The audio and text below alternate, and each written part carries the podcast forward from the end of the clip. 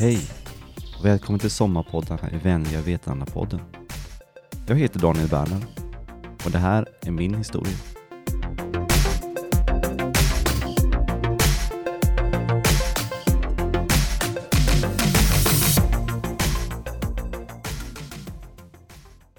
Kopp, inte mugg. Med fat och gärna en servett under koppen. Kanske är det här för att jag tror att jag en dag kommer spilla och söla. Fast det har inte hänt än i mina 42 år. Och så ett glas vatten. Eh, visste ni att varannan vatten det gäller även vid kaffe? Det är på kaféet mitt i stan som jag gjort de flesta mötena som kommer påverka mitt liv. I den här sommarpodden så vill jag bjuda dig på en kopp kaffe. Slå dig ner, lägg dig i hängmattan, lägg ner målarpenseln. Lyssna nu till det samtal jag har haft på kaféet. Det var under hösten 2015 som jag lärde känna en ny kompis. Som familj var vi nyinflyttade till Vetlanda och genom kyrkan så träffade jag en person som jag inser kommer att påverka mitt liv väldigt mycket. Vi sa alltid att vi var vänner och det yttrade sig genom att vi kallade varandra för kompisar. Jag tror visserligen den här personen sa kompis till väldigt många. På kaféet i samma hus som stadshuset, vid det runda bordet med fyra stolar, vid fönstret, ni vet, eh, det bordet var vårat. Stående på torsdagar. Fast det kunde även bli andra månader, ibland både måndag, tisdag och onsdag, eh, för att sen bli torsdag. Här vid bordet löste vi världsproblem. Jag fick göra fantastiska resor genom hans berättelser. Hur han hade åkt med Erikshjälpen runt om i världen och fotat. Bussresor till bilutställningar i Europa. Tågresor, eh, ibland bara till Västervik och sen hände det att det var längre. Han talade om sina kusiner och sina vänner. Han talade om församling och ganska insatt i den lokala politiken. Och sen pratade vi ofta om energiförsörjningen. Vindkraftverk eller skulle det vara kärnkraftverk? Han kände så många och hade sagt omsorg om så många. Talade så gott om och undrade, har du hört något? Eh, vad hände där? Så kom det som bara över en natt att rösten tystnade. Mobilen slutade ringa och torsdagen efter hans död då satt jag ensam vid bordet för fyra på kaféet. För mig var det viktigt att få gå dit ändå den här torsdagen, fast ingen stod vid dörren och välkomnade med sådär utslagna två armar. Nu var jag ensam. Jag skulle dricka mitt kaffe, jag skulle hedra, sörja och minnas. Det var som talande den här torsdagen. Den var regnig. Det fanns ingen annan än jag på kaféet. Det var helt tomt den här morgonen. Det var som att tystnaden på kaféet, vädret utanför fönstret beskrev vad jag kände. Ensamhet. Jag hade tagit min kompis för givet. Ni vet, alla ska ju vara där hela tiden och jämt. Det är väl inte meningen att någon ska försvinna? Och framför allt inte Birger Lallo. Han var ju inte längre bort än ett sms eller telefonsamtal.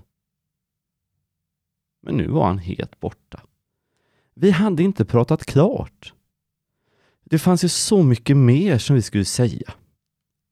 Vi eh, hade börjat prata om att göra ett projekt ihop. Vi skulle ju fota kapell och missionshus i hela Vetlanda kommun. Eller vi och vi. Han skulle fota. Det var ju det som var hans grej. Och jag, eh, jag vet inte riktigt vad min roll var, men jag skulle vara med i alla fall. Kanske var det för att vi skulle vara två på det här projektet. Det hade vi pratat om flera torsdagsmorgnar. Men nu var det som att alla projekt, färdiga eller ofärdiga, de är i vilket fall avslutade. Helt ofrivilligt för båda. Jag fick tjänstgöra som officiant, alltså var pastor vid begravningsgudstjänsten och det var en ära. Tack Lalo för alla kaffestunder. Sorg. Detta märkliga ord som egentligen inte kan förklaras. Jag skulle vilja säga att det är mer som en obehaglig känsla som alla människor förr eller senare drabbas av. Jag tror inte någon kan leva ett helt liv utan att drabbas av just det här, sorg. Första gången jag mötte på sorg, ja, det var när telefonen ringde på morgonen. Jag var väl sådär åtta år och springer till telefonen i köket.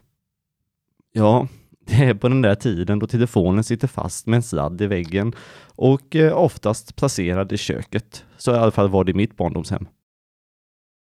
Åh, det var morfar som ringde. Men han frågade inte hur jag mår eller om vi ska komma snart och hälsa på. De bodde faktiskt bara fem minuter bort.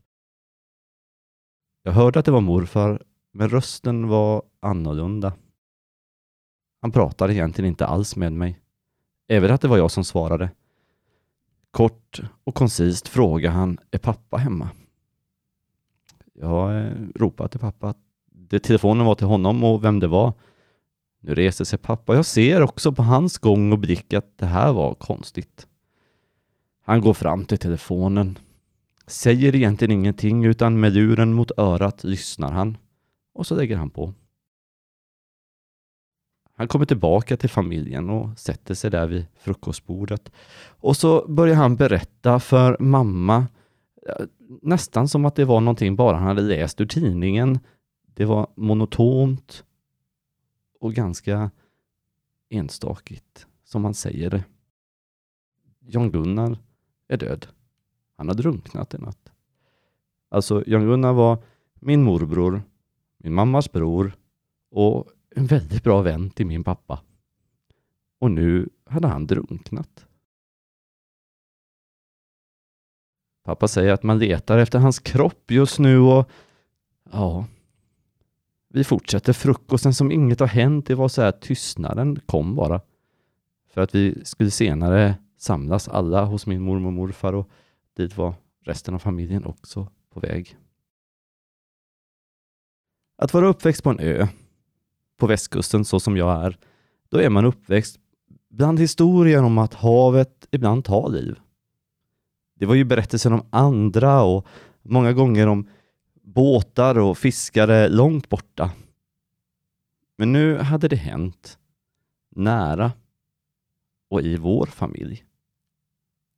Det här kom att bli mitt första möte med döden och med den där känslan som är sorg.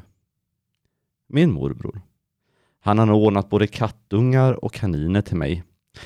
Han hade tagit med mig på olika båtresor och ja, vi hade gjort rätt mycket ihop. Han var ju min morbror. Och nu, nu var han död. Familjen och släkten samlades under dagen. Jag minns det där konstiga att vuxna människor som var min familj och som jag kände så väl, de grät. Jag hade aldrig sett dem gråta förut. Och så betedde de sig väldigt annorlunda. Jag minns att jag funderade på hur ska jag som barn nu bete mig? Får man leka? Skratta? Får man vara hungrig? Får man fråga efter saker när vuxna människor gråter och verkar vara ledsna? Den här dagen så lärde jag mig ett nytt ord. Det är ordet dragning. De vuxna i rummet pratade väldigt mycket om det. Och ibland ringde telefonen och då tystnade alla hemma hos mormor och morfar. Min moster, andra vuxna som fanns där, mina föräldrar. Jag minns inte alla, men det, det var många. Så var känslan. Och varje gång telefonen i hallen ringde så var det som en syren av det här är inte bra.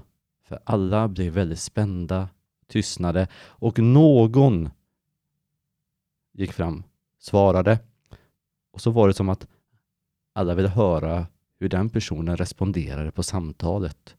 Man tittade, man iakttog. För att man väntar ju på ett samtal om vad som har hänt. Man hade hittat honom. Ja, det fanns hopp och förtvivlan i luften. Men tillbaka till det här nya ordet jag hade lärt mig. Dragning. Det var ett nytt ord. Och Det handlade tydligen om att man gjorde så när man skulle leta efter något som man hade tappat bort. Och I det här fallet hade vi ju tappat bort min morbror som hade drunknat, trodde man.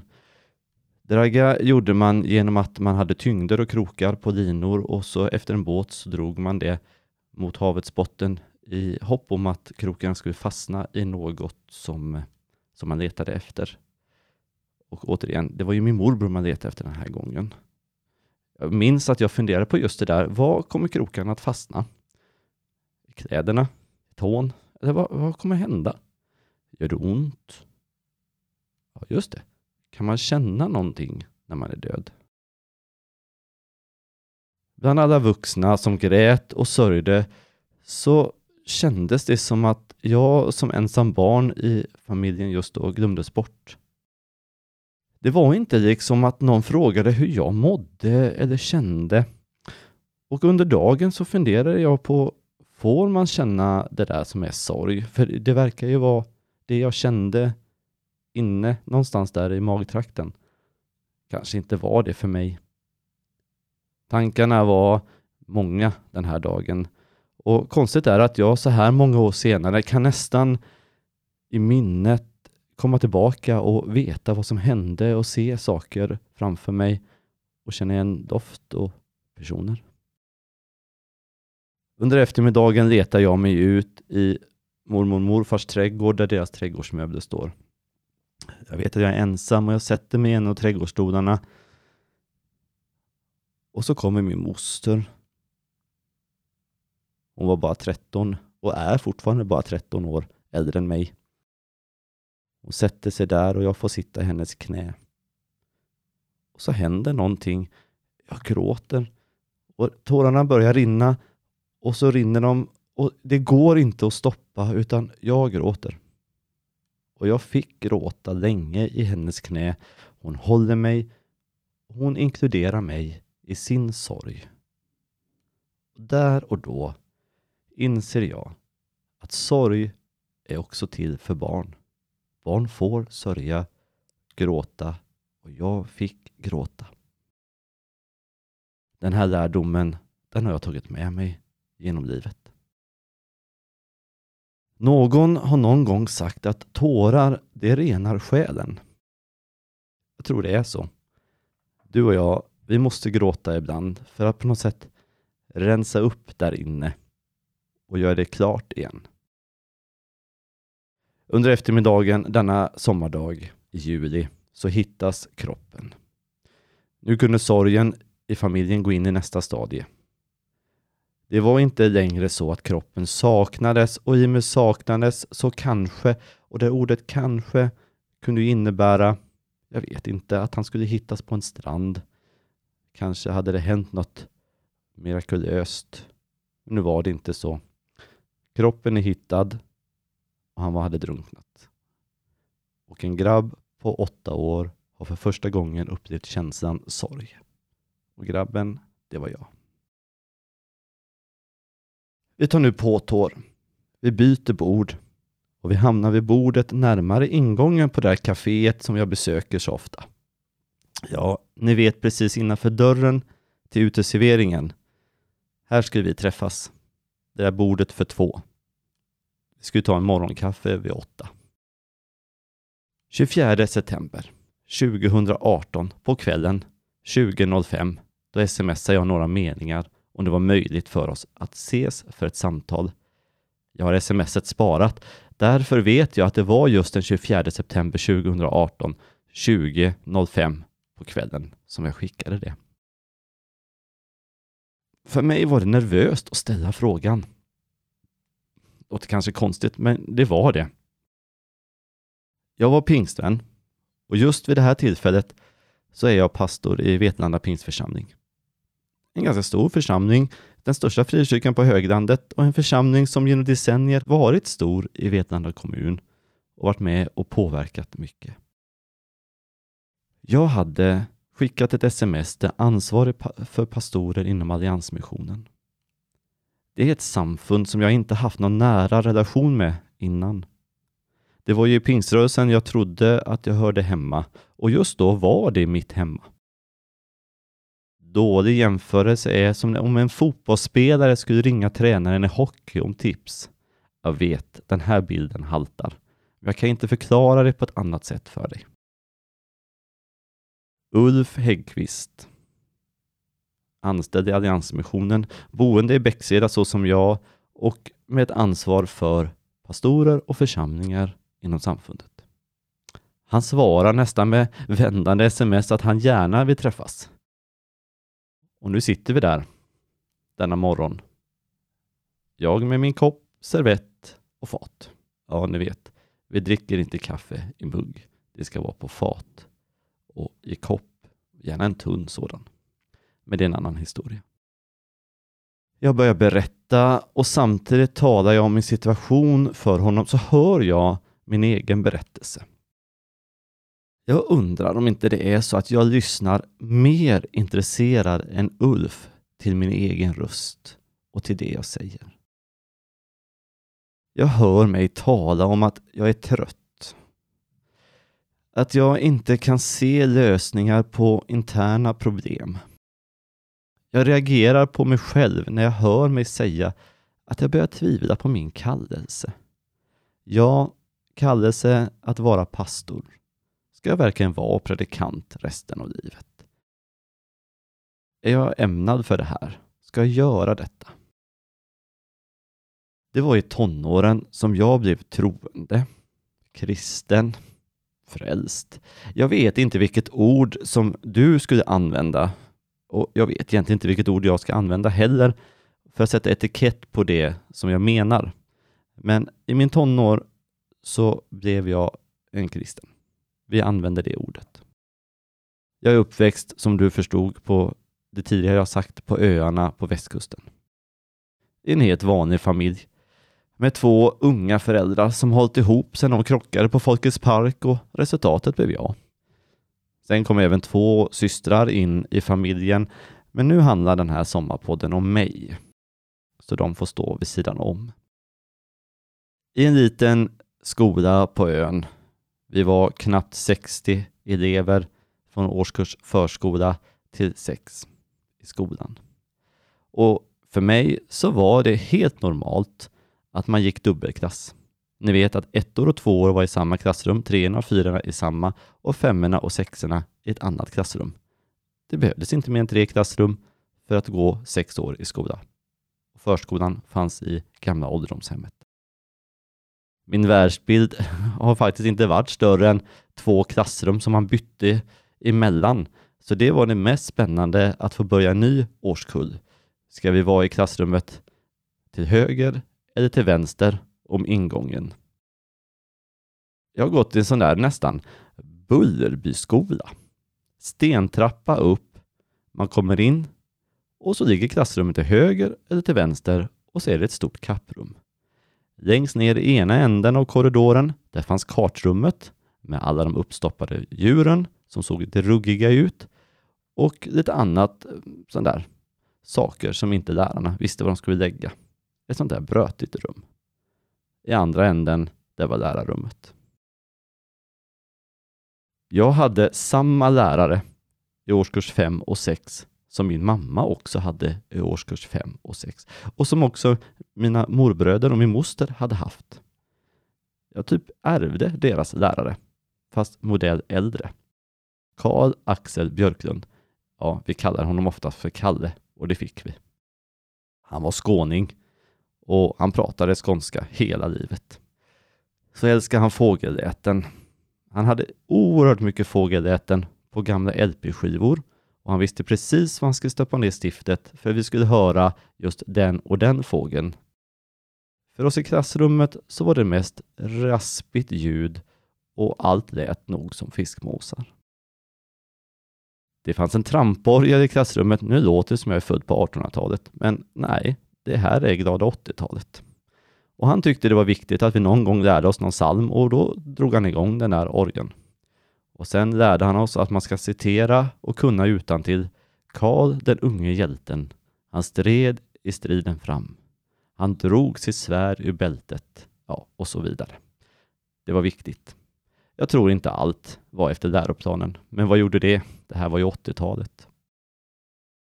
Min uppväxt och världsbild, den var nog inte så stor. Det var hemma, det var hemma hos mormor och morfar, det var skolan som låg i samma korsning som affären.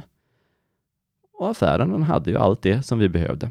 Sen fanns det kyrkan, församlingshemmet, missionshuset och så kiosken såklart. Det var den som var öppen två timmar längre än affären. Och sen var jag uppväxt med bryggor och klippor, båtar och bad. Missionshuset ja.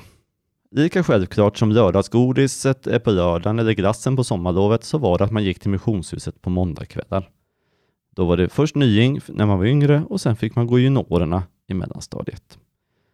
Och där gick man en, ett helt år i väntan på att det skulle bli den där Kristi himmelsfärdshelgen som är sen långhelg, för då åkte man på läger. Det var höjdpunkten på att gå i missionshuset, att man fick åka på läger. Mina föräldrar, de har nog aldrig varit och är inte så kyrkligt aktiva. Så för dem var det här bara en sån där bra aktivitet. Det var något som jag och mina syskon kunde gå på på måndagskvällar. Ja, det var inte så mycket skjutsning utan man fick cykla eller gå dit om man skulle dit. Och det gjorde vi. Och inte bara vi, utan alla. Var vi 60 elever på skolan som jag sa så var vi nog i alla fall 40-50 i missionshuset. Så kändes det. Vi fyllde lilla salen och ibland fick vi gå in i stora salen. Men då fick man sköta sig. Det lilla missionshuset, ja ni vet, det är sånt där missionshus som är som det ska. När man kommer in så luktar det instängt, det luktar kaffe från söndagens gudstjänst och gammal predikant. En sån här mysig doft blandad. Där mötte jag trygghet. Jag mötte ledarna. De flesta av ledarna kände jag, för de var ju föräldrar till mina vänner. Och dessa ledare, de visade på en trygghet. Och så var de så frimodiga. Jag visste inte vad frimodighet var som barn, men de berättade så enkelt om att de trodde på Jesus. Och när de sa det och berättade så var det som att Jesus var inte bara något man läste om i en bok. Han verkade finnas. Och jag beundrade det. Och jag hade en sån längtan att också kunna tro. Och jag funderade mycket på detta som barn. Kunde jag? Mina föräldrar var ju inte en del av kyrkan eller missionshuset så som mina kompisars föräldrar var. Och jag hette ju inte Andersson eller Johansson eller Karlsson som de flesta i missionshuset gjorde. Jag kanske inte var född in i en familj som skulle tro. Så blir det sommarlov 1995. Jag har precis slutat nian och valt gymnasiet, vad jag ska gå. Det blev barn och fritid till slut. Och det här sommarlovet då hänger jag väldigt mycket med vänner som har sin förankring i missionshuset. Och i slutet på sommarlovet så frågar de om jag vill följa med dem på tältmöte. Jag visste nog egentligen inte vad jag skulle gå på. Det var, hur ska jag beskriva det? Det var som att gå till cirkustält men hamna i en gudstjänst. Jag kom in i ett sammanhang där det fanns högljudda människor när de bad. De verkade som att de kunde tala med Gud på ett ärligt sätt. Sången minns jag som ganska magisk.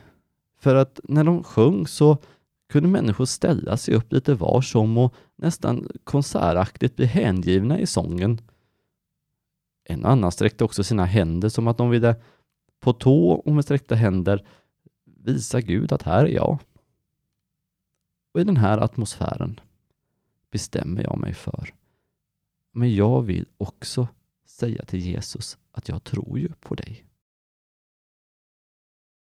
Pedagogiskt så i gudstjänsten berättar man att det kan man göra genom att man kan få förbön och böja sina knän. Jag gör allt vad de säger och tillsammans med en pastor ber jag för första gången. Sen efteråt gratulerar människor mig och säger att jag har blivit frälst och blivit kristen. Själv förstod jag nog inte riktigt vad de menade. Vad jag visste var att nu hade jag bestämt mig. Nu var jag också en troende. Men åter till det där mötet då. Kaffestunden den här morgonen. Nu sitter jag där och allt skakar. Den där tron jag hade funnit i tonåren som hade burit genom livet ganska länge. Jag sitter och säger att jag tvivlar på alltihop och funderar på om det verkligen är pastor jag ska vara. Hur ska jag fortsätta? Samtalet den morgonen med Ulf blev starten på någonting nytt. Processen blev att jag lämnade min tjänst i Pingstförsamlingen. Och inte bara min tjänst, utan jag lämnade också 17 år som pastor inom pingströrelsen. Jag och familjen hittade hem och välkomnades av Alliansmissionen. Det var ett samfund som inte är så stort, men den har välkomnat både mig och familjen med stora famnen. Och till hösten, parallellt med de politiska uppdrag jag har fått här i kommunen, kommer jag att få jobba deltid på samfundets nationella avdelning som integrationssamordnare. Det är en tjänst som innebär att jag kommer få vara med och inspirera församlingar, oavsett storlek eller geografisk placering, att fortsätta tänka att främlingen är vår vän. Hur ska vi inkludera, hälsa välkommen och skapa förutsättningar? Vi ramlar in på fiket igen, hela familjen. Familjen Berner är inte diskreta när de kommer. Vi hörs och vi syns. Vi, vi består av rätt många barn och så är det jag och frun och ja, det är alltid sådär eh, hej och hå och, och, och någon är sur och någon är glad. Nu är vi där på kaféet allihopa och det är surrande vid beställningen. Det är lite spännande med hela familjen ska gå ut och fika. Vem ska dricka? Vem ska ha kaffe? Eh, någon som ska bulle eller smörgås? Vi beställer och sen slår vi oss ner vid det största bordet allesammans. Jag tror det är de två minsta barnen som är mest uppspelta. Vi ska fika hela familjen ute. Bara det ett äventyr. Och storebror, ja de kallar honom så ibland, ska också komma. För det är så de ser på honom, som en bror. Frun och jag, vi har blivit med en son. Och eh, det ska jag berätta nu, hur det gick till. Alla minns ju när man får sina, sina barn. De där fyra egna har vi minnen ifrån. Det är verkar och bilkörning, förlossning, möten med barnmorskor, små incidenser som gör att vi aldrig glömmer den här stunden när ett nytt liv kommer till världen. Det är något extra. Men att få ett, ett, eh, tonårsbarn direkt sådär, det sätter också sina spår. Det var en grå och regnig tisdag 2017 som min vän ringer som jobbar på en av kommunens fritidsgårdar. Lite snabbt berättar han att eh, det finns en kille på fritidsgården som behöver ett boende. Han har eh, precis fått ett avslag, fyllt 18 och får då inte bo i kommunens boende längre som kallas HVB utan nu är han Migrationsverkets ansvar. Det kan innebära en säng i Härnösand, Luleå, Halmstad eller någon annanstans. Men hans vänner och sammanhang och skola är ju i Vetlanda. Ja, snacka om att systemet kan göra människor apatiska och så talar vi om integration. Jag åker snabbt förbi fritidsgården, hälsar i hand på en artig, tystlåten kille som säger hej. Men hans ögon, de säger något annat. De säger se mig, hjälp mig. Jag tar med frågan till den samling jag har i kyrkan, men svaren dröjer. Jag får inte riktigt napp på att någon vill ta emot någon främling i sitt hem. Det ska jag inte belasta någon för. Hemma sen på kvällen, när vi alla är samlade till kvällsmat i vår familj, så berättar jag om dagen och det här mötet som var så där märkligt och vilket system vi har i Sverige.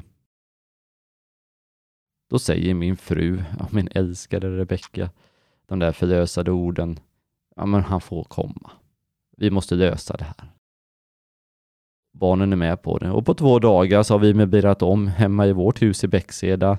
Pojkarna delar rum och vi frigör ett, ett rum åt honom. Jag smsar och han kommer hem till oss och möter familjen på fika och vi får hälsa och träffas. Lär känna lite sådär. Sen kommer det en kille med en väska, en matta och två flyttlådor och flyttar in. Nu har familjen blivit sju stycken och en resa har börjat som ingen av oss var beredd på. En resa med att få en tonårskille i huset. Trött på morgnarna, plockar inte undan disken och alltid en väska i hallen. Han är en helt normal tonåring och blir en del av vår familj. Rebecka och jag får också en ny vardag. En vardag med möten och samtal, advokater och myndigheter den där magsmärtan när det ligger ett brev från Migrationsverket i brevlådan. Frustration över timmar i telefonkö för att sedan bara behöva återkomma nästa dag för att nå rätt person. Dråpliga vardagliga missförstånd när språk och kultur möts. Skratt och tårar. Den där kramen eller ryggdunken innan läggdags där vi säger vi löser det här, sov nu. Och sen lägger vi oss och undrar vad är det vi har lovat och hur ska saker och ting lösa sig. Många gånger har dagarna avslutats med knäppta händer och bön om att det måste finnas en god Gud. Jag minns känslan, speciellt den där familjedagen då vi är sommar och sol på västkusten och vi ligger utslagna i en båt utanför Måseskär och fiskar makrill. Det är en sån där dag då man njuter. Och då kommer berättelsen om Medelhavets och vandringen genom Europa. För ingenstans väcks minnen hos honom. Jag är vuxen, har nu fem barn och jag känner mig så fattig i jämförelse med denna unga killes livsryggsäck som är så mycket större än min. Vilka upplevelser, vilka minnen och vilka erfarenheter. Allt har givits honom nästan ofrivilligt. Efter något år i boende i vår familj så minns jag att Rebecka och jag började tänka tankarna om vem är hans riktiga föräldrar? Tänk om vi kunde få en möjlighet att möta dem och berätta vilken fantastisk pojke de har fött till världen. Om hur han busar med de nya syskonen i familjen. Och vi skulle vilja berätta för dem att han har det bra. Vi skulle vilja trösta och lugna dem. Vi skulle vilja säga han är perfekt. Dörren öppnas till kaféet Cecil och in kommer han med ett leende, sen såklart. Eh, ja, ni förstår att svenska och afghanska klockan går tydligen inte samma. Det är alltid jalla jalla och lite sent. Bland tårta och paket och samtal så firar vi honom. Han har precis flyttat vid det här tillfället och fått en egen lägenhet med sina vänner och vi gläds över att det går bra för honom. Han kan sova nu på nätterna. Vi tar sista fikat tillsammans. Och vid det här fikat skulle jag vilja berätta för dig om några intensiva dagar som drabbade inte bara mig utan er alla som bor i Vetlanda. Det är de där dagarna i mars som har blivit kallade för dådens dagar, eller dådet som hände. För mig så var det onsdag och jag ersättare i kommunstyrelsens digitala möte. Ordförande avslutar snabbt mötet för det har hänt något i stan. Ingen vet vad eller vilken omfattning. Jag får indikationer om att det rör sig om hot och kniv, knivstuckning, en eller flera. Att förövaren är vän till en eller flera av de afghanska killarna. Timmarna går och bilden klarnar mer och mer, mycket genom mediebevakningen och så börjar det komma sms från olika personer. På torsdagen har ju hela världens blickar vänts mot Vetlanda. Storgatan, torget invaderas av reportrar, kameror, mikrofoner. Det intervjuas och det fotas. Min ryggmärgsreflex säger att vi måste samla ihop våra killar.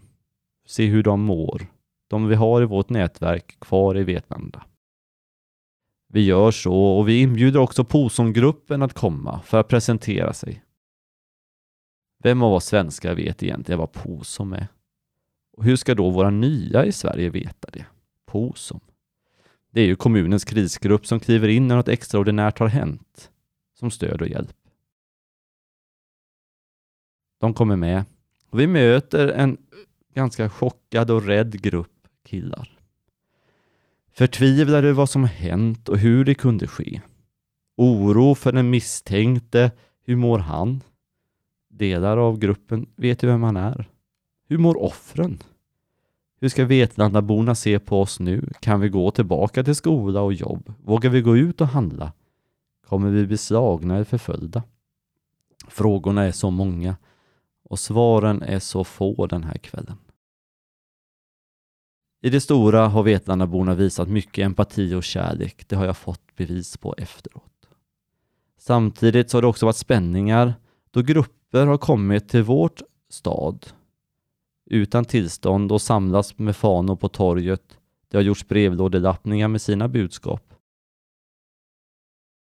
Vi i föreningen bestämmer att vi ökar vuxennärvaron på boendet som vi har just nu.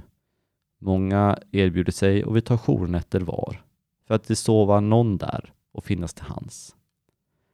Men inte ens där var det tryggt. Under en kväll på boendet så smyger någon sig fram trots att det är mycket folk där och hänger en brun papperspåse på handtaget. Man har målat ett ganska taffligt nazistkors och en hälsning med ungefär ordalyden Åk hem.